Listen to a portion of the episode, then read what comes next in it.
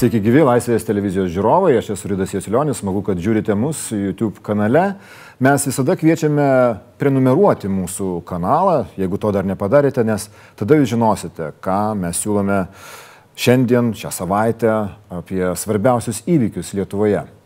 Svarbiausi klausimai Lietuvoje yra sprendžiami Tautos bei valstybės gyvenimo klausimai sprendžiami referendumus skelbė Lietuvos Respublikos konstitucija ir gegužės 12-ąją mes visi turėsime spręsti vieną iš tokių svarbiausių valstybės ir tautos gyvenimo klausimų. E, mes spręsime ar keisti 12-ąjį Lietuvos Respublikos konstitucijos straipsnį, kuris skelbia, kad niekas negali būti kartu Lietuvos Respublikos ir kitos valstybės pilietis, išskyrus įstatymo numatytus atskirus atvejus apie šį referendumą, apie tai, kokiais argumentais e, mes e, vadovaudomėsi turėtumėm apsispręsti šiuo klausimu, šiuo svarbu, svarbiu valstybei ir tautai visai klausimu. Mes kalbėsime šiuose karštose kėdėse, o mūsų studijoje Seimo Teisės ir Teisėtvarkos komiteto pirmininkė Agnė Širinskinė, sveiki gyvi, ponė Agnė, pasaulio lietuvių bendruomenės pirmininkė Dalė Henkė, sveiki, ponė Dalė. Ir e, vienas iš Lietuvos Respublikos konstitucijos kūrėjų, buvęs Konstitucinio teismo pirmininkas Mykolo, atsiprašau, Teisėjas. buvęs vienas iš teisėjų, taip, e, Konstitucinio teismo teisėjų ir Mykolo Riomerio universiteto profesorius Vytautas Sinkevičius. Sveiki gyvi. Labas vakaras. Pone Agne, pradėkime nuo datos. Gegužės 12, mažiau nei du mėnesiai likę iki referendumo klausimas svarbus, e, karštas terminai tokie suspausti. Kodėl taip išėjo, kad Seimas e, ruošiasi, ruošiasi, ruošiasi, ruošiasi, o paskelbė referendumą likus tik tai dviem mėnesiams iki jo pradžios. Iš tiesų, Seimas ruošiasi ilgai ir visuomenėje diskusijos, aš jeigu atsimenu nuo pernai metų vasario, kad atsirado darbo grupė Seime, prasidėjo, mes dirbame ir su pasaulio lietuvių bendruomenės atstovais, buvo parengti visi teisės aktai, nes iš tiesų buvo apsispręsta rengti ne tik konstitucijos pataisas, buvo parengtas ir naujos redakcijos pilietybės įstatymas tam, kad žmonės tiesiog galėtų pasižiūrėti, jeigu domisi ir matyti, kokia tvarka bus įgyjama pilietybė, jeigu įsigalios referendumų priimtas konstitucijos pataisos. Vėliau darbo grupės posėdžių metu, nors iš pradžių buvo bendras sutarimas, kad turėtų būti dviejų savaičių pertrauka, pradėjo kilti klausimai, kad gali būti tik viena rinkimų referendumo diena. Tada buvo apsispręsta, kad vis dėlto tą sprendimą ir verdiktą galutinį, kiek dienų referendumas trunka, kreipiamas į Konstitucinį teismą. Skubos tvarka ten iš tiesų nagrinėjama byla užtruko ir gana ilgą laiką ir dabar mes gavome atsakymą, o įstatymas referendumą mums e, įpareigoja paskelbti referendumą ne vėliau kaip likus dviem mėnesiam iki referendumos datos. Ne tai per mažai dviejų mėnesių. Aš manyčiau, kad tų mėnesių tikrai pakanka, visuomenėje diskusija yra prasidėjusi, vyriausybė turi visas galimybes ir Seimo įpareigojimą vykdyti viešinimo kampaniją, pasakojant, kuo yra svarbu ateiti į referendumą ir išreikšti vieną ar kitą poziciją. Tai manau, kad ir tos informacijos artimiausių laikų viešoje erdvėje tikrai bus daugiau. Bet jūs dar sprendėte ir e, kitą datą, 26 gegužės, e, kitų rinkimų, Europos parlamento rinkimų ir antrojo prezidento rinkimų turų datą, kaip irgi galima referendumo, šio referendumo datą. Kodėl nuspręsta taip, o ne kitaip? E, tiesiog Sprendimą lėmė elementari matematika, nes per pirmąjį turą ateina daug daugiau, apie 5 procentus, man mhm. atrodo, daugiau žmonių negu per antrąjį turą. Tai dėl šitos priežasties tikimybė referendumui įvykti ir kad e, įmanomai daugiau piliečių ateitų, iš tikrųjų yra būtent per pirmąjį turą. Referendumas privalomas, vadinasi, jis vyks tada, kai daugiau nei pusė visų Lietuvos piliečių priims vieną arba kitą sprendimą, ar ne, reiškia, turi ateiti uh, daugiau nei pusė ir dar jų beveik visi turi balsuoti, tarkim, kaip norėtų ponė Dalė, už tai, kad konstitucija būtų pakeista. Kaip jums regisi štai šitos aplinkybės, kad liko tik tai du mėnesiai iki referendumo, kai paaiškėjo jo data? Ką jos lemia? Na, visų pirma, reikia informuoti būtent Lietuvos piliečius, ką jie spręs gegužės 12 dieną. Jūs puikiai pats ką tik išsireiškė, tai yra valstybės ir tautos išlikimo klausimas. Ir tai ne kiekvienam aišku. Yra labai daug, na, sakykime, netikslios informacijos viešojoje erdvėje ir tada tikrai žmonėms sunku apsispręsti bus, ar jisai turi dalyvauti, ką jisai spręs ir kur galų gale dėti jam savo kryžiuką. Visų pirma, e, svarbiausia yra pasakyti, kad tai yra, bus tik tai ES ir NATO transatlantintės erdvės šalyse lietuviam gyvenantiem būtent išlaikyti ir išsaugoti tą, ką jie jau ir turi, Konstitucijos 12 straipsnio jūs gaila nepacitavot, pirmas sakinys sako, Lietuvos pilietybė įgyjama gimimu. Tik tiems lietuviams būtent bus galima išsaugoti. Nieko niekas negaus papildomai. Tiesiog išsaugoti tą, ką jau žmogus gavo gimimu pagal Lietuvos Respublikos konstituciją. Ir išvyko, sakykime, tam tikrų sprendimų šeimininių, ar pasižvalgyti po pasaulio, ar galų gale e, darbo ieškoti į kitą, į būtent ES ir NATO valstybės. Bet tai va, ne tik išvyko, jis ir priėmė kitos šalies, kitos pilietybę, būtent, šalies pilietybę. Tai būtent yra dabar tos pačios, jūs taip pat pacitavote, yra išimtis, yra dešimt išimčių ir iki 90 metų lietuviai turi teisę išlaikyti ir išsaugoti būtent pilietybę arba susigražinti. Tai yra, na, didelė tautos dalis, kuri išvyko po antro pasaulinio karo, jų vaikai ir vaikaičiai. O, sakykime, na, tauta tai padalinama dabar į dvi dalis, o po 90 metų išvykę kovo 11 neturi tos teisės.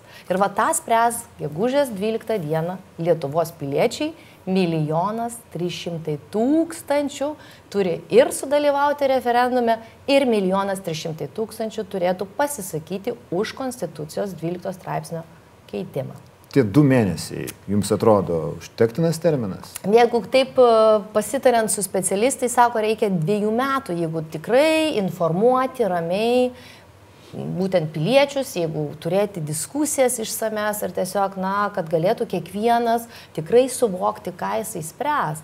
Bet yra dabar tokie sprendimai ir e, norėčiau irgi panuogastauti, kad gana daug trūkdžių buvo daroma iš tikrųjų ir, sakykime, ir galimybė, kad referendumo tą kartelę žemėt, aš nenorėčiau dabar cituoti gerbiamam šalia esant profesoriui, žinovui konstitucijos konstituciją, bet būtent, na, sakykime, suteikti tam tikras galimybės, kad tikrai tikrai na, nebūtų tokios sudėtingos sąlygos tokiam referendumui. Dabar yra kaip yra, 1 300 tūkstančių, turim lygiai 2 mėnesius ir tikiuosi, kad skirtos lėšos būtent Lietuvos e, Respublikos kans, vyriausybės kanceliarė būtent informavimo darbams optimaliai panaudos ir tikrai nebebus atvirų klausimų ir žmogus tikrai turės galimybę apsispręsti. Nežinau, ar tuome tuose informavimo programuose bus kažkas apie diskusijas, argumentus už ar prieš, bet regis dėl kartelės žeminimo ir Respublikos prezidentė pasisakiusi buvo prieš, kad referendumo kartelės nereikėtų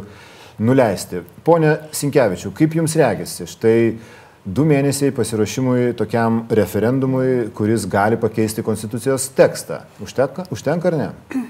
Aš pritarčiau gerbiamam kolegiam, kad diskusija vyksta turbūt net ne du metus. Ji iš esmės prasidėjusi, ko gero, gal prieš dešimt metų daugiau, kai Konstitucinis teismas pasakė, kad norint išplėsti galimybę turėti dvigubą pilietybę, būtina renkti referendumą. Ir kodėl apsitai visą tai užtruko, nes pirmą kartą šita mintis nuskambėjo 2003 metų Konstitucinio teismo nutarime. Bet Seimas, na kaip jis vengia sutikti su Konstitucinio teismo sprendimu, ir mano, mane, kad galima pakeisti pilietybės įstatymą ir to išplėsti galimybę turėti dvigubą pilietybę. Taip, ten parašyta atskirais. Taip, atvejais įstatymo tai numatyta. Konstitucinis teismas trys kartus pakartojo šitą tezę, kol vis tik dabartinis Seimas suprato, kad nėra kito kelio, reikia renkti tik referendumą. Tai dabar Pone Sigiačiu, atgrįžkime tą pačią pradžią. Kodėl būtent toks, o ne kitoks buvo Konstitucinio teismo, kurio teisėjas jūs tuo metu buvote, sprendimas dėl šitos e, frazės įrašytos 12 straipsnėje apie tuos atskirus atvejus, kad jie turi būti tik tai reti atvejai, kad negalima įstatymą, pavyzdžiui, rašyti, kad išvažiuoja žmogus į ES ar NATO šalį ir jis gali turėti tą dvigubą pilietybę. Na, Kodėl tai, būtent taip interpretavo Konstitucinis teismas na, tekstą? Tai Konstitucinis teismas žiūrėjo Konstitucijos visumą ar pasižiūrėkite. Daugybė straipsnių yra. Bet kokios ten formuluotės. Įstatymo nustatytais atvejais, įstatymo numatytais atvejais. Vienintelis straipsnis, kur yra įstatymo numatytais atskirais atvejais atskirais atvejais, niekas įskyrus atskirus atvejus. Iš to Konstitucinis teismas darė labai aiškę prielaidą. Įstat, konstitucijos kuriejas mane, kad dvigubos pilietybės atvejai negali būti pa, plačiai paplitęs dalykas. Prisimenate diskusijas kuriant konstituciją būtent taip. dėl dvigubos šitos, dėl šitos straipsnio? Taip? taip, taip, man teko būti darbo grupiai, kurie rašė konstitucijos tekstą ir dėl to straipsnio buvo labai didelės diskusijos. Ir buvo dvi pozicijos. Viena, viena pozicija buvo, na gal nereikia riboti, bet kita pozicija buvo dar ryškesnė. Tos išskirtinius atvejus įrašyti į pačią konstituciją. Pačioje konstitucijoje numatyti tos išskirtinius atvejus. Bet nugalėjo kita, kitas požiūris, kad jeigu mes į konstituciją rašysim konkrečius atskirus atvejus, tai pasikeitus gyvenimo aplinkybėm, sąlygom, socialinė aplinkai, ką reikės keisti konstituciją. Todėl buvo pasirinktas principas. Atskirus atvejus įstatymas gali nustatyti, bet tie atskiri atvejai negali būti tokie, kad dauguma Lietuvos Respublikos piliečių kartu būtų ir kitos valstybės kodėl, piliečiai. Kodėl konstitucijos tėvai taip rūpinosi apriboti dvigubos pilietybės galimybę? Tai prisiminkime laikotarpį, kai buvo kuriama konstitucija. Lietuvoje dar Sovietų, Sovietų sąjungos kariuomenė, jėdinstvos mitingai, prisimenate, kokie galingi autonomijos siekiai. Ir štai tie žmonės, jie kartu dar buvo ir kitos valstybės piliečiai. Ir štai leidus tokiai dideliai masiai Lietuvos piliečių turėti ir kitos valstybės pilietybę buvo baiminamasi. O kaip jie balsuos per Seimo rinkimus? E, per prezidento rinkimus, e, referendumus rengiant. Ar jie balsuos už sprendimus, kurie stiprina Lietuvos valstybingumą, ar jie vis tik pasirinks balsuoti tai, kas naudinga šalia esančioms valstybėms e, - Rusijai, Sovietų sąjungai ir taip toliau. Kitaip tariant, ta baime buvo didelė ir ji buvo pagrista, nes Lietuvos valstybė tik stiprėjo, tik kūrėsi ir reikėjo nu, sumažinti, kiek įmanoma, sumažinti pavojus Lietuvos valstybė. Visi konstitucionalistai labai uh, alergiškai, sakyčiau, žiūri į iniciatyvas keisti konstitucijos tekstą. Kaip jūs dabar vertinate būtent šitą klausimą referendumui, e, kad 12 e, straipsnis būtų keičiamas su nuostata, jog Euroatlantinės, e, Euroatlantinėse valstybėse gyvenantys ar ne lietuviai galėtų išsaugoti pilietybę ir gavę tos kitos šalies pilietybę. Na, kiekviena valstybė reaguoja į tos realius pokyčius, kurie įvyksta, į naujus poreikius. Tai dabar pasikei, pasižiūrėkime į tą laikotarpį praėjusį nuo 92 metų. Mes matome milžinišką emigraciją, mes matome mišrių santokų skaičių daugėja. Tose santokose gimsta vaikai, jie kartais dvigubę pilietybę iš karto gimimų įgyja. E, galimybę keliauti, įsidarbinti, susituokti, pasirinkti gyvenamąją vietą kitoje valstybėje įpakeitė socialinę aplinką, visuomenė reaguoja. Tai dabar klausimas yra e, esminis, ar mes keičiame pirmo skirsnio nuostatą, o ta nuostata gali būti pakeista tik referendumu, ir štai visuomenė turi dabar pasakyti savo balsą, savo nuomonę. Tai kaip, ar visuomenė pribrendusi atidaryti plačia, platesnės galimybės turėti dvigubą pilietybę, ar visuomenė vis tik dar jaučia pavojus ir mano, kad gal nereikia taip plačiai atidaryti tų durų dar, gal reikia dar lūkterėti. Bet jeigu mes pažiūrėtume Europos Sąjungą, tai Lietuva likusi dar turbūt trys ar keturios valstybės, mhm. kurios gana griežtai riboja dvigubą pilietybę. Tos visus modelius galima suskirstyti liktai į tris tokias grupės. Tai yra liberalus modelis, kai leidžiama plačiai dvigubą pilietybę, nusaikus, na, kaip daugiau leidžiama negu neleidžiama ir toks vat griežtas ribojimas. Tai Lietuva liko prie tų valstybių, kurios labai griežtai riboja e, tą dvigubą pilietybę, bet nu, tai mažų valstybių gal yra e, toks, kaip, ar tai kompleksas, ar savisaugos kažkoks instinktas. E, pasitikėti savo tikrais piliečiais, pasitikėti tai žmonėmis, kurie nesusiję priesaikom, pasižadėjimam, lojalumais kitoms valstybėms ir kad tie piliečiai, reiškia, kurie yra tik Lietuvos piliečiai, jie prisima atsakomybę už Lietuvą, už jos kūrimą ir taip toliau. Bet, na ką, šitas straipsnis gali būti keičiamas tik referendumu ir mes turime pasiklausti tautos balso. Bet mes turime paaiškinti tautai, už ką jį balsos. Tai iš tiesų, ponia Agne, ir man teko kažkiek prisidėti prie to teksto rengimo, dėl kurių bus balsuojama. Tai dabar, aš bent savo dabar iš šalies žiūrėdamas. Tai mes sakome, galės turėti pilietybę e, e, euro ir transatlantinė integracija. Tai dabar šitą savoką Lietuvos pasirinkta europinė ir transatlantinė integracija. O beje, yra sąrašas tokių uh, tai šalių. Va, tai va dabar grįžtame prie klausimo dabar. Tai ar yra sąrašas žmonių, ar yra teritorijos, ar yra ekonominės erdvės, kokia ta integracija, kokia transatlantinė europinė integracija.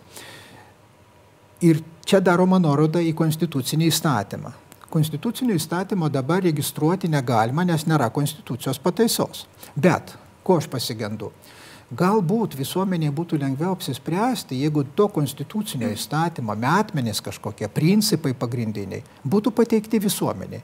Štai jūs. Registruotas profesorius. Net, ne, tai tvarkoj, bet jį reikia aiškinti visuomeniai, jį reikia pateikti. Mes turime mažiau nei du taip, mėnesius. Taip, mes, mes matome, kad štai vat, integracijos apims tokias valstybės, ten dar kažkas apims taip, ir tada visuomenė gal lengviau supras, o kaipgi reikia balsuoti, už ką atiduoti balsą. Aiškumo kol kas trūksta, ar ne? Iš tikrųjų, aš manau, trūksta. Ką reikš vienas ar kitas balsavimas? Netgi tų šalių sąrašo nėra juk, ar ne? Yra, iš tikrųjų. Yra, ponia. Seimas ir darbo grupė registruodama Taip. konstitucijos pataisą ir skelbimą referendumą lygiai grečiai registravo naują pilietybės įstatymą redakciją ir ten eurointegracinės ir NATO kryptis yra apibrieštos per tris valstybių grupės tai - ES, NATO ir EBPO valstybės narės. Tai tikrai patenka labai aiškus apibrieštas spektras, yra padaryta ir konstitucijos tekste, kiek pamenu, išlyga, kad negalėtų netgi ir ta na, rytinė erdvė taip, taip. pretenduoti, jeigu ir taptų EBPO, tarkime, nare, tačiau nacionalinio saugumo interesų klausimas ir tam tikri saugikliai kreipkim e, daugiau dėmesio tiems argumentams už ir prieš. Tiksliau, kol kas e, daugiau gal argumentams už, kodėlgi reikia šitaip keisti e, dabar Lietuvos Respublikos konstituciją. Pone Henke, dar šitas referendumas vadinamas pilietybės išsaugojimo, ar ne, referendumu, nes jis aktualus tiems, kas gyvena užsienyje, kas jau priima kitos šalies konstituciją ir dar nori išsaugoti lietuvišką pasą. Ar yra aišku, kiek tokių žmonių yra? Aš jums paprieštaračiau, nes tai nėra vien tik lietuviams gyvenančiams užsienyje. Tas klausimas aktualus tai yra pamatinis ryšys piliečių, kurie, sakau, šiuo metu gal gyvena užsienį, rytoj jis gal grįš į Lietuvą, kitas gal vėl išvažiuos, gims jo vaikai. Pamatinis ryšys su savo tiesiog piliečiais pasaulyje, apie mūsų ateitį, valstybės. Ir tiesiog čia net ne apie patį referendumą. Referendumas tai tik tai įrankis, kurį padiktavo konstitucinio teismo sprendimai, vadinasi, taip įskaitė, interpretavo Lietuvos Respublikos konstituciją, ką mes visi turim privalom gerbti, bet tai yra tik įrankis. Problema, nesvarbu, kaip pasibaigtų tas referendumas, vienokiu procentu ar kitokiu, problema tai liks Jeigu, nesvarbu kaip pasibaigtų, nu sakau, atsitinka stebuklas, milijonas trys šimtai tūkstančių, pasisako už, ateina, viskas galioja ir mes Europos. Labai maža tikimybė, ar ne? Tai aš net nenoriu e, klausimo tokios spės. Sakykime, įvyksta viskas, tai uždarom klausimą, gyvenam toliau gyvenimą ir kuriam lieto. Sakykim, bet jeigu taip neįvyksta to stebuklo, Problema tai lieka, piliečiai kaip toliau važiavo, taip išvažiuoja, kiti gal grįžta, bet jeigu gal neturi pilietybės, sakykime, nes jis apsisprendė po dešimt metų gyvenimo ar Britanijoje dabar va, šiom dienom matot chaosas koks yra ir jisai ten gal susilaukė vaikų, gal jau net ir anūkų, tikimybė po 30 metų nepriklausomybės jau yra nūkų karta auga, tai tiesiog problema tai toliau liks. Mes toliau kalbėsim, tai kokie tenai užsienį gyvenantis lietuviai arba tas, kuris dar planuoja išvažiuoti, išlaikys santyki su valstybe. Viena, svarbiausia, apie tai reikia kalbėti apie mūsų ateitį po 30-40 metų, kokią mes Lietuvą matome.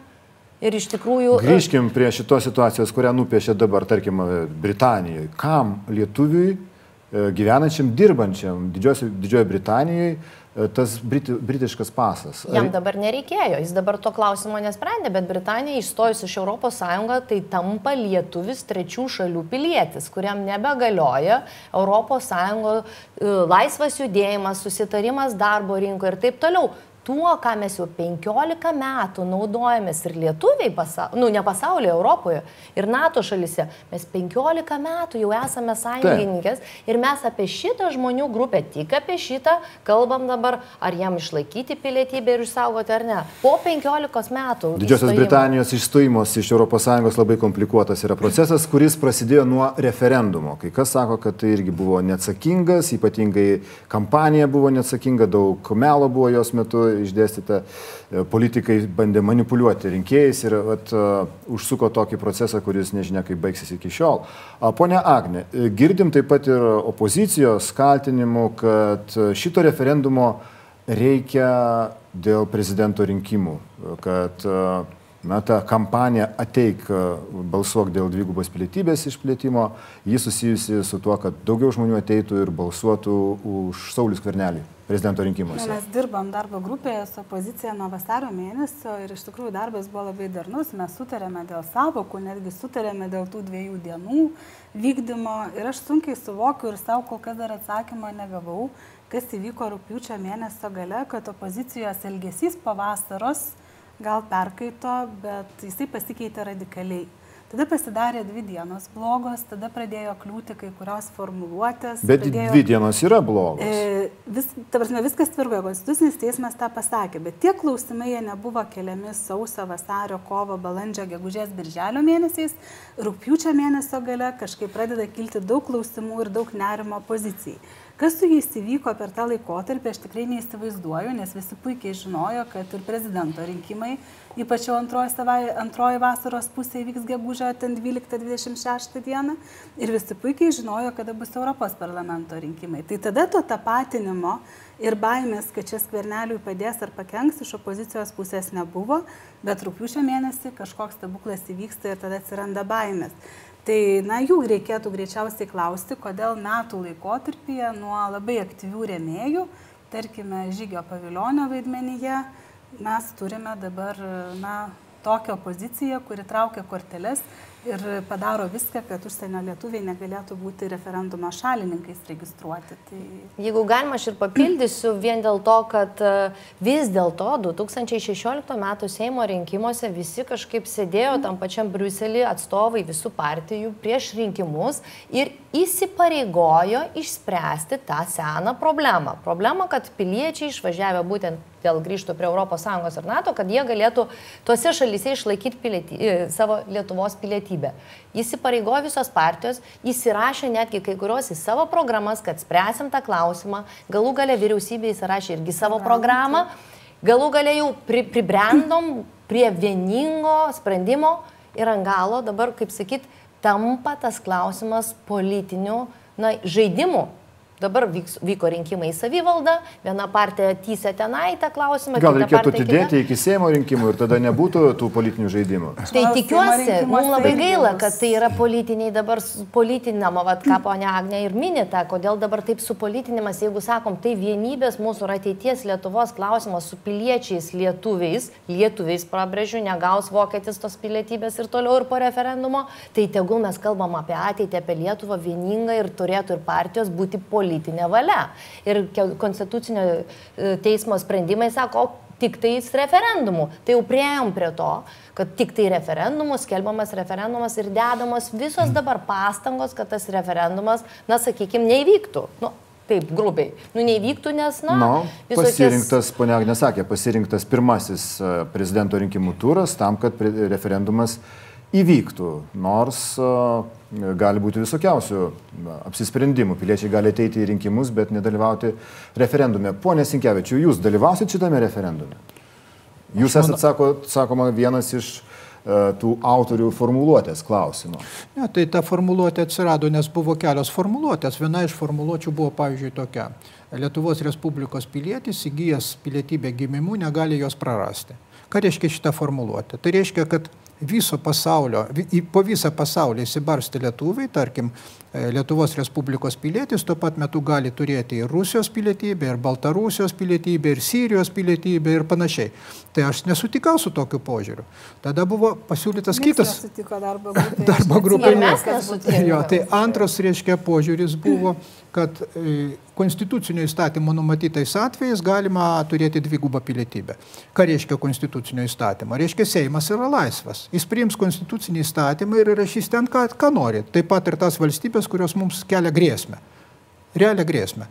Tai irgi negalima buvo pritarti tokiam sprendimui. Tai atsirado trečias variantas piliečiai pagal kilmę, europinė transatlantinė integracija labai susiaurino tas sluoksnių, val, e, e, skaičių valstybių, kurių pilietybę įgyja Lietuvos piliečiai išlaikys ir savo tą turimą Lietuvos pilietybę. Bet aš norėčiau grįžti dabar prie to sakinio, kad štai dabar kažkas kažką daro, kad referendumas neįvyktų. Aš manau, visuomenė ne vienareikšmiškai priima šitą dalyką. Ir mes turime gerbti visas nuomonės. Ir netgi tų, ir politinių partijų, ir politinių atstovų, ir ten, tarkim, mokslininkų, dėstytojų ar panašiai, kurie santūriai reaguoja į tą dalyką ir pasitikė visuomenė, kad jos balsas arba tautos balsas bus racionalus. Tai dabar sakyti, kad, reiškia, negali turėti kita politinė jėga ar panašiai kažkokios kitos nuomonės, aš ne, ne, nesutinku su tuo. Iš tai, kai kalbame apie tai, kad būtina informuoti visuomenę, kodėl tai svarbu yra. Kodėl svarbu, o gal kartu pasakyti, o kokie pavojai kyla, jeigu bus išplėsta labai dviguba pilietybė.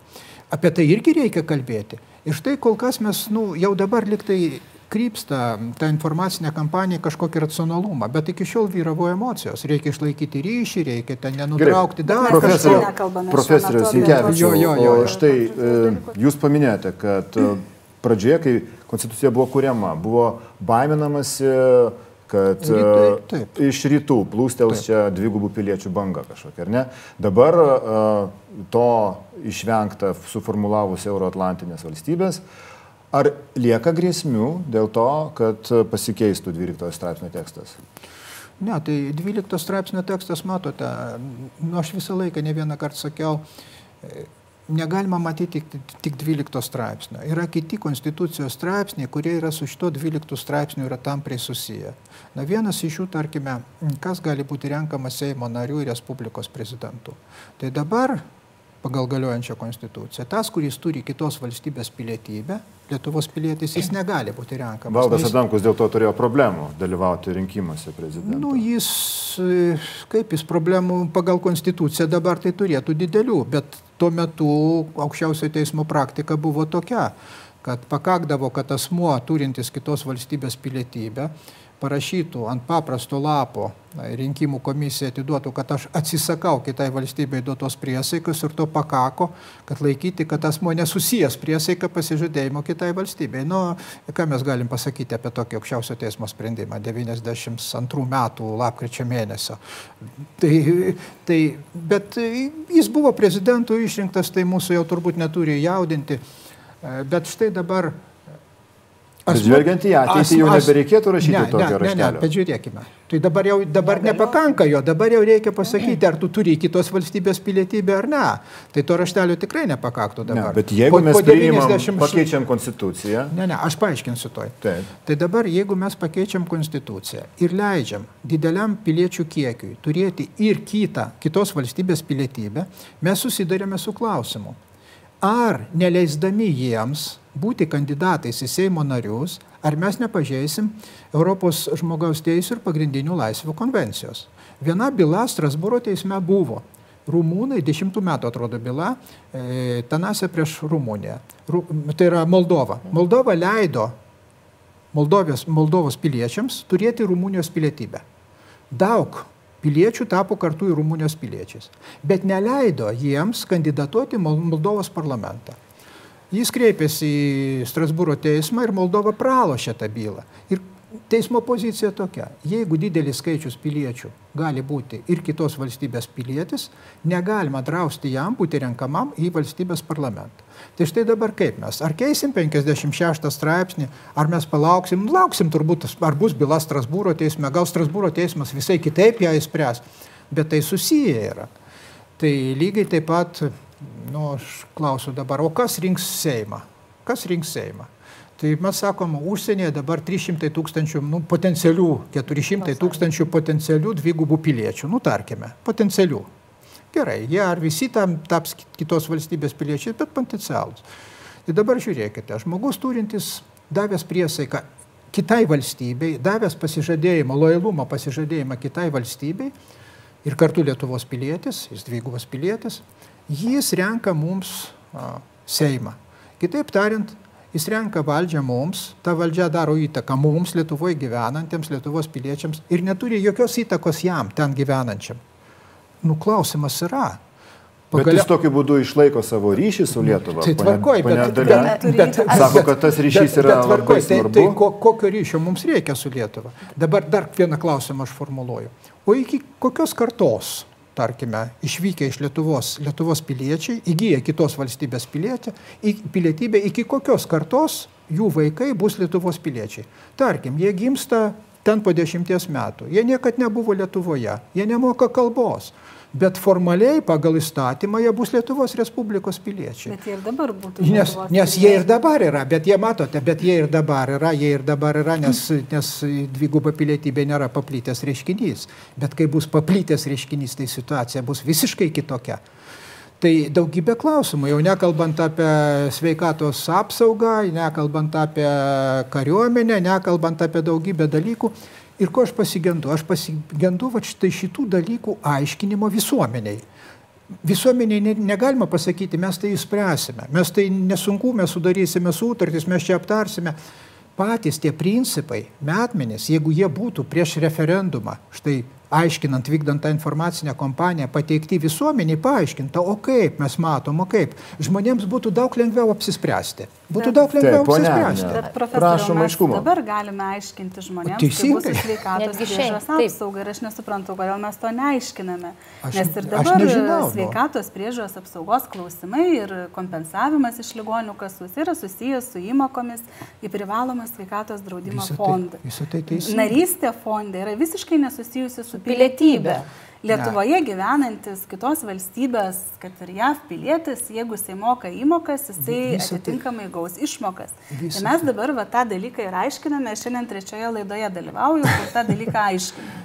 Tai jeigu yra būtinoji medicinos pagalba, tai būtinoji medicinos pagalba yra netgi nesusijusi su įmokomis. Jie apskritai su pilietybė. Tokiu atveju randi nukritusi gatvėje žmogų ir jį gelbsti visiškai nesigilindami, ar jis yra mokėtojas. Čia viskas aišku, ne? Dėl medicinos paslaugų. Pone Sigavičiu. Aš galiu pasakyti, manęs klausia, tarkime, žmonės, tokiuose pačiuose diskusijose. Sako, tos įmokos privalomos yra nedidelis. Bet sako, asmo pasidaro, tarkime, sudėtingą operaciją užsienyje. Jam reikia labai didelio pooperacinio laikotarpio, kuris kainuoja šimtus tūkstančių. Ten jis negali. Jis grįžta į Lietuvą ir sako, už mūsų pinigus jis čia gydosi. Ką aš jam turiu atsakyti? Tai tai, ką jūs atsakote, viskas gerai, bet tą turi žinoti plačiau kažkaip tai, žmonės. Aš manau, mūsų pareiga, kaip išsilavinusių žmonių, mano kaip politiko, jūsų kaip vėlgi akademinės visuomenės atstovo, kiekvienu tokiu atveju sakyti gerai. ir dalintis. O atvejis apie rinkimus, tarkim, kodėl Amerikos lietuvis kuris, tai reiškia, jų gavęs yra Amerikos pilietybė, ar ne? Kodėl dabar po šito referendumo, jeigu mes nuspręsime, kad jis gali turėti ir Lietuvos pilietybę, kodėl jis vat, turi rinkti mums valdžią? Tai va čia norėjau irgi taip pat oponuoti ir pasakysiu gerbiamas profesoriu, vis dėlto tam yra tikro neiškumo ir netikslumo jūsų ką tik pasisakymė dėl renka mums užsienį išvažiavę valdžią. Ir pasakysiu, kodėl pagrysiu. 141 Seimo narys, Taip. užsienį gyvenantis lietuviai dabar renka vienoj vieninteliai naujamešio apygardoj vieną Seimo narį. Tai yra jų balsai turi įtakos vienam Seimo nariui. Tai už sąrašas Iš... irgi balsuoja daugiamandatėje. Bet vienas Bet tik tai daugia mandatė. Vienas Seimo narys yra užsienio tikrai, kur įtaka nesuplaukė tik tai tenai. Tai vadinasi, savivaldos rinkimuose, kurie ką tik vyko ir dar, dar nesibaigė, užsienio lietuviai nedalyvauja, nėra tos galimybės ir renka per Seimo rinkimus tik vienoj, vienoje vieninteliai Vilniaus naujamešio apygardoje vieną kandidatą. Taip. Ir to, sąrašą nedaugėja, jeigu tu daugiau balsuoji, nedaugėja sąrašai išeinančių žmonių, nes jie pasiskiria Mes savo nerenkam Ne, mes valdžios, kalbam apie tiesiog sprendimą, apie Norėčiau tai, kad paklausti, valdžia rinktų žmonės, kurie tri- nelabai ar- susijęs su Ar, Lietuva. tarkime, 300 tūkstančių rinkėjų, kurie yra užsienyje, ar jie gali balsuoti vienoje apygardoje? Nu, nėra tokių apygardų Lietuvoje. Jeigu Tai mes teoriškai balsuojam. jie Ne, ne, tai, ne, tai tvarkoja, tai jūs balsuojate todėl, taip kad yra. balsuoja, kad kalbojas apygarda sudaro apie 300 tūkstančių rinkėjų, visą laiką rinkėjų yra apygardoje. Dabar 300 tūkstančių rinkėjų balsų nukreipiama į vieną apygardą ir vienas Seimo narys. Tai aš, aš keliu klausimą. O gal šita norma įstatymo prieštarauja konstitucijai apskritai? Nes profesoriau, jį paskaičiuojama pagal aktyvumą Ne, tai, bet, bet, ne, Tai- bet balsavimo teisė ir apygarda, kur balsuoti, negali priklausyti nuo aktyvumo balsavimo. Tai dabar žiūrėkite, kas įgyja. Tas asmo, kuris kandidatuoja toj, vienmanda- toj apygardoj ir jis paprastai ieško tų užsienio balsų, jį visi balsai nukreipiami į ten, jis aiškiai atsidūrė daug, atsidūrė daug palankesnėje situacijoje negu kiti, Seimo, kiti kandidatai. Tai šita norma pati kvestionuotina atitikties konstitucijų požiūrių. O jeigu mes visus 300 rink, tūkstančių rinkėjų nukreipsime vieną apygardą, kaip jūs sakote, tai taip neįmanoma techniškai Bet jie padaryti. Bet dabar, dabar taip yra pririšti Ne, prie tos tai tu- Tai profesorius sako, kad aš čia ir ko sakau, gero tai nėra tai aš- konstituciška. Tai, tai aš sakau, kad galima dar Jūs diskutuoti. ką, ką šnekate, tai užsienio lietuvių Jau yra Ne, ne, ne, ne, tai aš, ne, tai- aš kalbu. Ir ne tai- vieną Seimo narį. Ne, ne, bet matote, mes kalbame apie tai, kad 300 tūkstančių žmonių, nu tarkim 300 dabar sakom, po dešimties metų gal bus 500 tūkstančių žmonių susijusių įsipareigojimais kitai valstybei. Jie dalyvauja mūsų Taip, taip, rinkimuose. aš noriu tą tai, tai klausimą gal, dar žiūrėkite, o gal pasirinkti Iškelti. kitą variantą. Tai tada mes grįžtame prie to, kas turi teisę dalyvauti rinkimuose. Dabar visi, kurie turi 18 metų, piliečiai, nesvarbu kur gyvena, turi teisę dalyvauti. Yra kelios bylos Strasbūro teisme irgi buvusios, kad jeigu asmo ilgą laiką negyvena Lietuvoje, nu tarkim 10 metų, 5 metus, jis nedalyvauja rinkimuose į parlamentą. Tai gal čia racionalesnis sprendimas, bet politikai apie tai nemasto. Jie sako, visi, nesvarbu, kur jūs gyvenate, ar jūs susiję, kiek jūs ten metų 350, ar jūs apskritai žinote, kur yra ta Lietuva, ar mokate lietuvių kalbą, jūs vis tiek turite teisę rinkti mums valdžią, atiduoti savo balsą. Aš klausiu, ar tai gerai? Ar tai gerai, ponė Dalė? Bet tai vėlgi aš noriu tik tai patikslinti, nu nerenka valdžios, renka tik tai vienas Tai Seimo jūs narį, pagal tai įstatymą visa. dabar sakot, bet Tai- tas įstatymas gali rytoj būti pakeistas, jis gali būti visiškai kitoks. Bet- Mes turim žiūrėti į konstituciją, o ne įstatymą. Bet tai dabar yra 300 tūkstančių balsavimo teisę gyvenančių lietuvių užsienio. Oficialiai VRK tokie duomenys yra. Tai... O gal jie jau turi ir kitų Gal valstybių pilietybę, Taip, tik tai taip, ne, nieks laiko ne, nedeklaruoja to. 30 tūkstančių ir daugiau 由 lietuvių piliečių turi kitas pilietybės. Tai jie deklaravę mažiausiai, šitą kurie dalyką. oficialiai turi Taip, pagal tas išimtis. Jau dabar yra, na, pavadinkime, aš nežinau, ar čia yra reti atvejai 30 tūkstančių čia vėl. Kaip čia O pažiūrėjus. 300 tūkstančių? Ne, tai irgi būtų 30 tūkstančių. Taip, Tik o dabar būtų 30. 300, A, iki 300 tai jau nereti būtų. Tai va čia savo, čia apie žodžius dar eina kalba, Nu, bet nereikia. tiesiog reikia tiksliai. Ir labai pritarčiau ir tikrai ir ponia Agnė, ir jums taip pat profesoriau, yra netikslumų ir netikslios informacijos. Sakykime, apie pensijas tas pačias. Atvažiuos mums tie, tie piliečiai ir paims mūsų pensijas. Nu nieko panašaus. Jeigu tu neįmoki pensijinį fondą, tu neturi teisės į tą Lietuvos žmonių sukauptą pensijinį fondą. Tu gauni pensiją, sakykime, Vokietijoje, kur tu dirbai. Bet e, Lietuvos. Respublika įsipareigoja savo piliečiams ginti juos, ar ne, konsulinės įvairios paslaugos, e, yra tokių įsipareigojimų piliečiams, skirtinai. Nu, tai Bet jinai ir dabar jiems. Jie dabar yra, jie yra piliečiai jau dabar gyvenantis užsienį. Niekas nesikeitų kalba apie tuos- pareigos, nesikeistų valstybei, viskas lieka. apie tuos lietuvius, kurie priima kitos valstybės pilietybę. Tai jiem- Juk čia esmė, čia yra esminis e, Tai jie pas- klausimas, ar mes, spręsdami dabar konstitucijos keitimo klausimą, turime leisti jiems su- susigražinti arba išlaikyti O Lietuvos kodėl mes pilietybę. jiems tu- juos turėtumėm nubausti ir kaip valstybė jų neremti. Nes aš vat norėčiau irgi išgirsti atsakymą, kodėl mes jų Argumentų. turime išsižadėti iš tikrųjų. Kokie yra tai prieš, mūsų kokios žmonės, grėsmės yra? Jie yra Lietuvoje. sprendimą. Jiems su Lietuvos pasu turbūt e, smagu gyventi visose tose euroatlantinėse valstybėse. Iš esmės, jie turi visas teisės, išskyrus turbūt ten e, būti Balsavimo išrinktiems teisė. ar, ar balsavimo teisės. Jie apsisprendžia, kad jiems reikia ne Lietuvos pilietybės, o tos kitos valstybės. Ne, ne, jie patys padaro sprendimą. Jie padaro tą sprendimą. Galbūt Bet... jie dabar iš tikrųjų laiko kišenį tą lietuvišką pasą ir laukia referendumo, kai galės jį tada viešai ir drąsiai rodyti.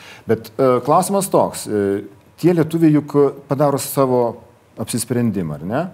Kodėl? Netiesa. E, reikėtų, ne, netiesa. Netas, kodėl, jie netiesa? nedaro sprendimo, tiesiog sprendimas už juos padarytas, kad jiem ta pilietybė yra, pavadinkim, taip pat įmama, jeigu jis paėmė kitos ne, ne, šalies pilietybę. Taip, sprendimą tai paimti kitos šalies pilietybę. Jis, jis sprendžia. Lai, ne, jis neturi laisvės. Kitos jis... šalies pilietybę uh, paimti jis tikrai sprendžia, jisai sprendžia nes jis gali jisai... gyventi žinokit, su Lietuvos pasu apie mūsų mentalitetą, kada mažos valstybės, jeigu žiūri į Europą, ta pati Danija, Estija, ne, Latvija, mažos valstybės, na, turi instinktą pastaruoju metu plėsti pilietybės išlaikymą, neplėsti tą dvigubą pilietybę.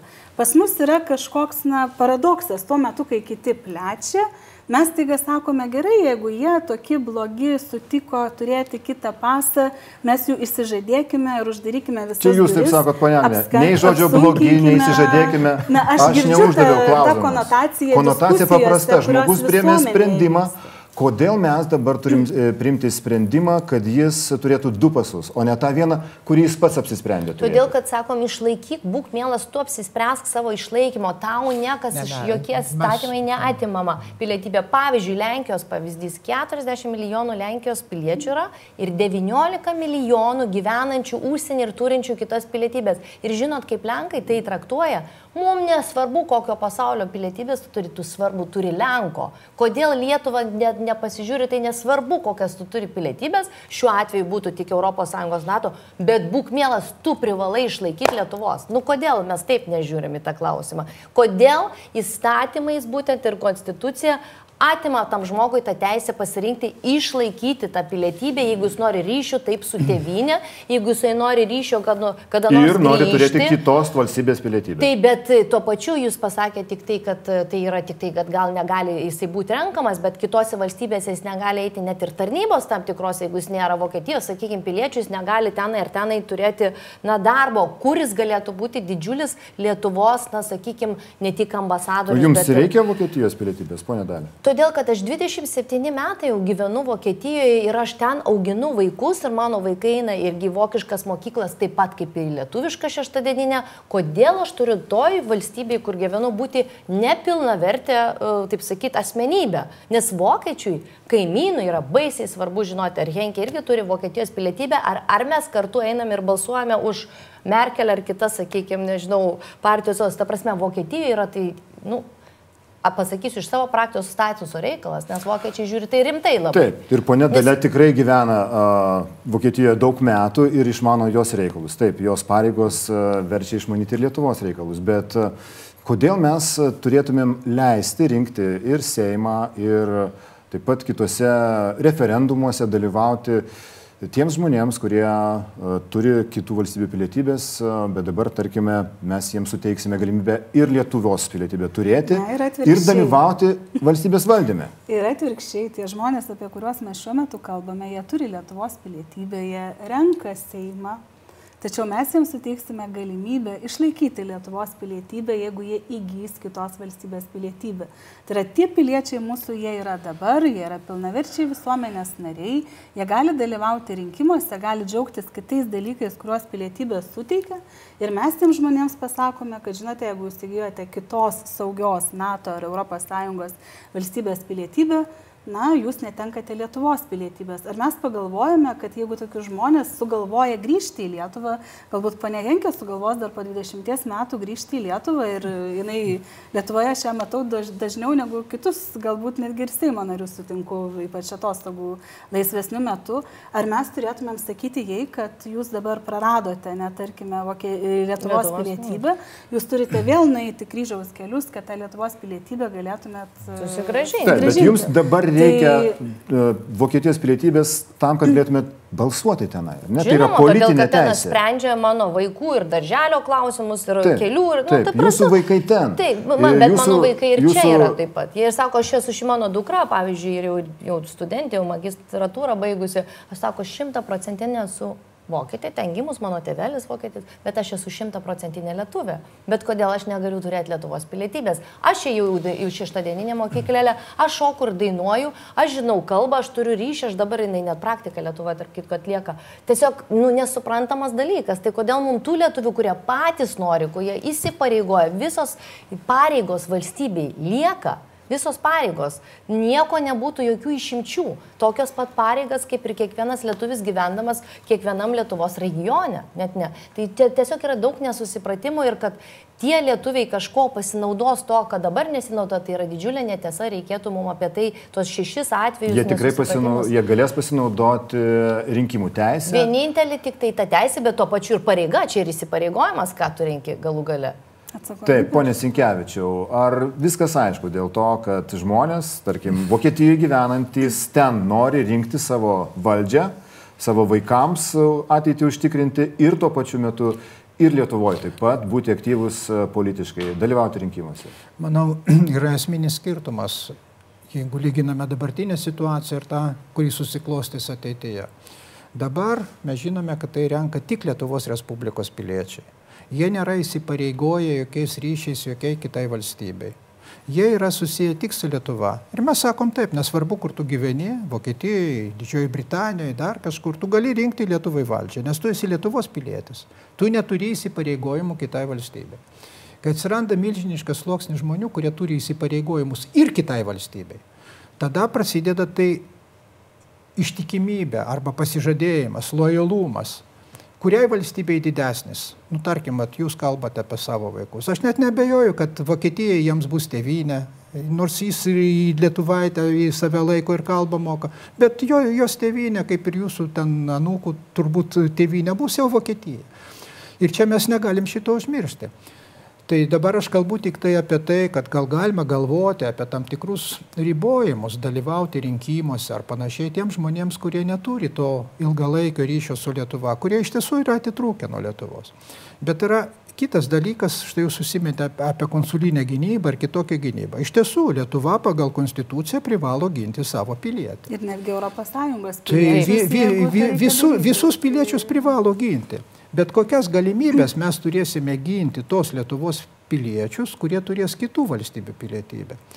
E, buvo vienas susitikimas su aukštais JAF valstybės departamento žmonėmis, aš nenoriu kalbėti nei metų, nei pavardžių minėti.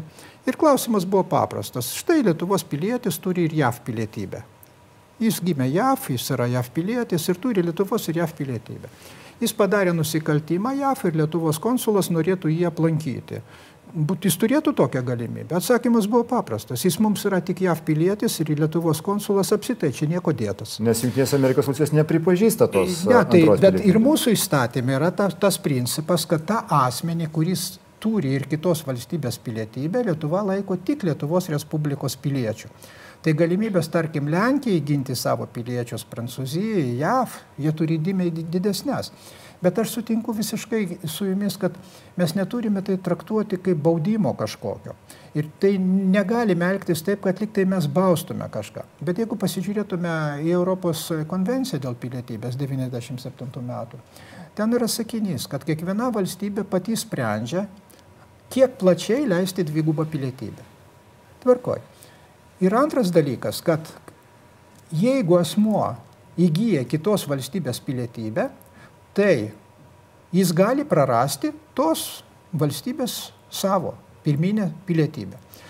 Tai su tarptautinė teisė čia viskas gerai, niekas netiminėja. Ir iš esmės tai, ką jūs klausėte, žmogus pats pasa, padaro pasirinkimą. Jis žino, aš įgysiu kitos valstybės pilietybę, aš prarasiu Lietuvos pilietybę. Tai jo niekas čia nei baudžia, nei ką. Bet dabar ar situacija nėra tiek pasikeitusi nuo 92 metų, ar nėra atsiradusi tiek daug naujų aplinkybių, kad mums galbūt didesnė vertybė tampa leisti plačiau turėti tą dvigubą pilietybę, negu ją toliau riboti. Štai, štai apie ką mes kalbame. Tai turime matyti visus ir už, ir prieš, turime racionaliai apie juos kalbėti, ką mes ir bandome daryti, kažką bandom aiškinti šiandien turbūt žmonėms irgi, o žmonės tegul sprendžia. Tai, bet šitas sprendimas yra labai atsakingas, jis lemtingas sprendimas. Tai ar mes norime, reiškia, matyti, na, tokią kaip vadinama, tą gryną Lietuvos Respublikos pilietybę ir likti toj Europos, jo, Europos Sąjungos valstybių mažumoj. Jūs paminėjote Estiją, bet Estija neplečia dvigubos pilietybės labai nedaug. Tai Danai irgi labai ilgai ribojo, dabar pamatė, kad na, migracija tokia mes. didelė, reiškia, jie leidžia truputį daugiau negu mes. Ir norvegai pakeitė, tai ir švedai ilgą laiką, bet jie pamatė, kad pusė švedijos piliečių jau yra imigrantai. Tai ką jiems daryti? Ir, ir plečia tą dvigubą pilietybę. Tai kitaip tariant, nėra čia joks baudimas, kad asmuo Lietuvos pilietis įgyjęs kitos valstybės pilietybę netenka Lietuvos pilietybės. Tai yra normali iš tarptautinės teisės kylanti praktika ir niekas čia jokių žmogaus teisų nepažeidžia. Bet kai jūs kalbate, kad mes nenorime dvigubos pilietybės, mes kalbame apie Lietuvos pilietybės įsaugojimą.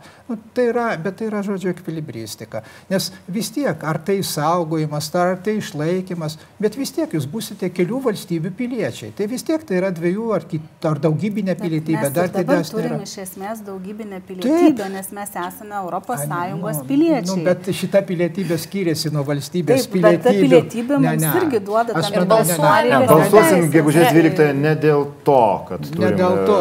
Europos Sąjungos pilietybė. Ne, Europos Sąjungos pilietybė grindžiama visai kitų principų. Taip, Kiekvienas, kiekvienos valstybės Europos Sąjungos narės pilietis yra Europos Sąjungos pilietis.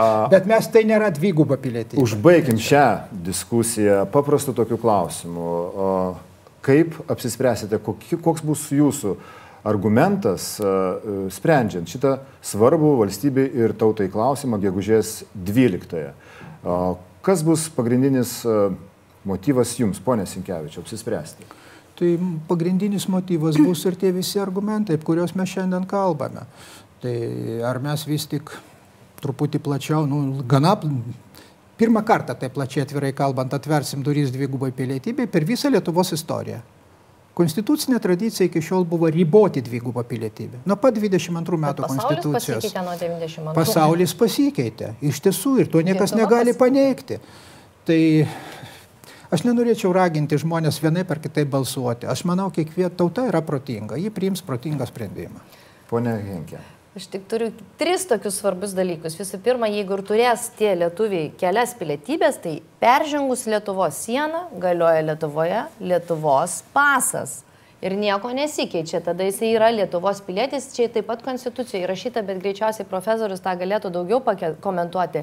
Dėl atėmimo aš irgi labai norėjau pasisakyti, kad Vokietijoje praeitą savaitę diskusijos vyksta mūsų bundestagė apie tai, kad Vokietija atims Vokietijos pilietybę piliečiam, vokiečiam, kurie dalyvauja būtent mokymuose ISIS ir visa kita ekstremistai, kurie turi kitų šalių pilietybės, vadinasi, ten nuo Maroko iki Sirijos ir taip toliau. Jiem atims ir jie dabar kūrė tą įstatymą ir, ir Bundestagas greičiausiai priims. Ir žinot, kokį aš skambutį gavau?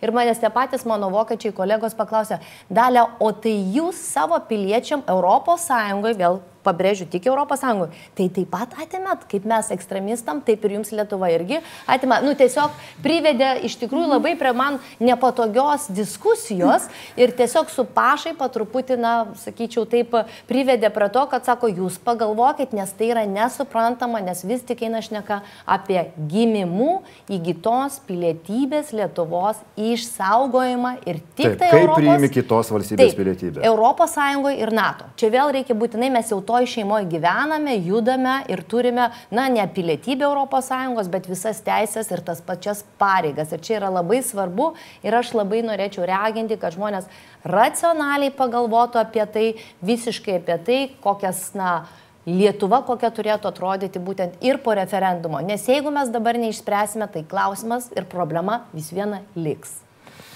referendumo sėkmės, tų už kampanijos sėkmės procentas yra turbūt labai nedidelis. Reikia, kad ateitų gerokai daugiau nei pusė rinkėjų ir beveik visi jie balsuotų už e, konstitucijos keitimą. Pone Širinskinė, ar yra planas B, jeigu referendumas nepavyks, nepasiseks? Na, matote, net ir nepavykusio referendumo atveju mes turėsime labai daug žingsnių priekį. Mes turėsime konstitucijos tekstą formuluoti, turėsime pilietybės įstatymą parengtą, turėsime patobulintą referendumo įstatymą su papildomis balsavimo vietos, vietomis užsienyje. Tai mes turime pakankamai daug pliusų ir iš tikrųjų ir tautos nuomonė. Turime tautos, tautos nuomonę, nebus ir matysime, ką galima prognozuoti toliau. Galbūt kiti seimai tiesiog jau daug lengvesnėmis aplinkybėmis, turėdami paruoštus dokumentus, dar kartą galės pakartoti tą patį kelią. Tai aš manau vis tiek Lietuva na, verėsi pasauliu, jinai tikrai padarė labai daug žingsnių tame atsiverime, Tai yra vienas iš atsiverimo būdų ir jisai vyks anksčiau ar vėliau, tai upės bėgimo nesustabdysi, kaip vienas dainis sakė. Dėkui. Svarbiausiai būti pilietiškam ir dalyvauti būtent visuose rinkimuose Lietuvos. Ir prezidento, ir tom pačiam referendume, ir galų gale Europos parlamento rinkimuose. Svarbiausia išsakyti tikrai savo pilietinę nuomonę ir gerbiamas profesorius, net nesvarbu, kur gyveni, tas, kas tą teisę turi. Tai o kas atsako už Lietuvą? Už Lietuvą atsakingi Lietuvos piliečiai. piliečiai. Nesvarbu, kur jie gyvena. Jie turi turi prisimti atsakomybę už dabartį, ateitį, pažangą ir jie turi tai daryti labai atsakingai. Ir mes darysime tą sprendimą gegužės 12-ąją. Dėkui Jums malonus Laisvės televizijos žiūrovai už dėmesį, dėkui už dalyvavimo diskusijoje, poniai Agnijai Širinskiniai, Seimo Teisės ir Teisėtvarkos komiteto pirmininkiai, pasaulio lietuvių bendruomenės pirmininkiai Daliai Henkiai ir Mykolo Riomerio universiteto profesoriui, vienam konstitucijos kuriejui. Vytautui Sinkevičiui. Dėkui, iki.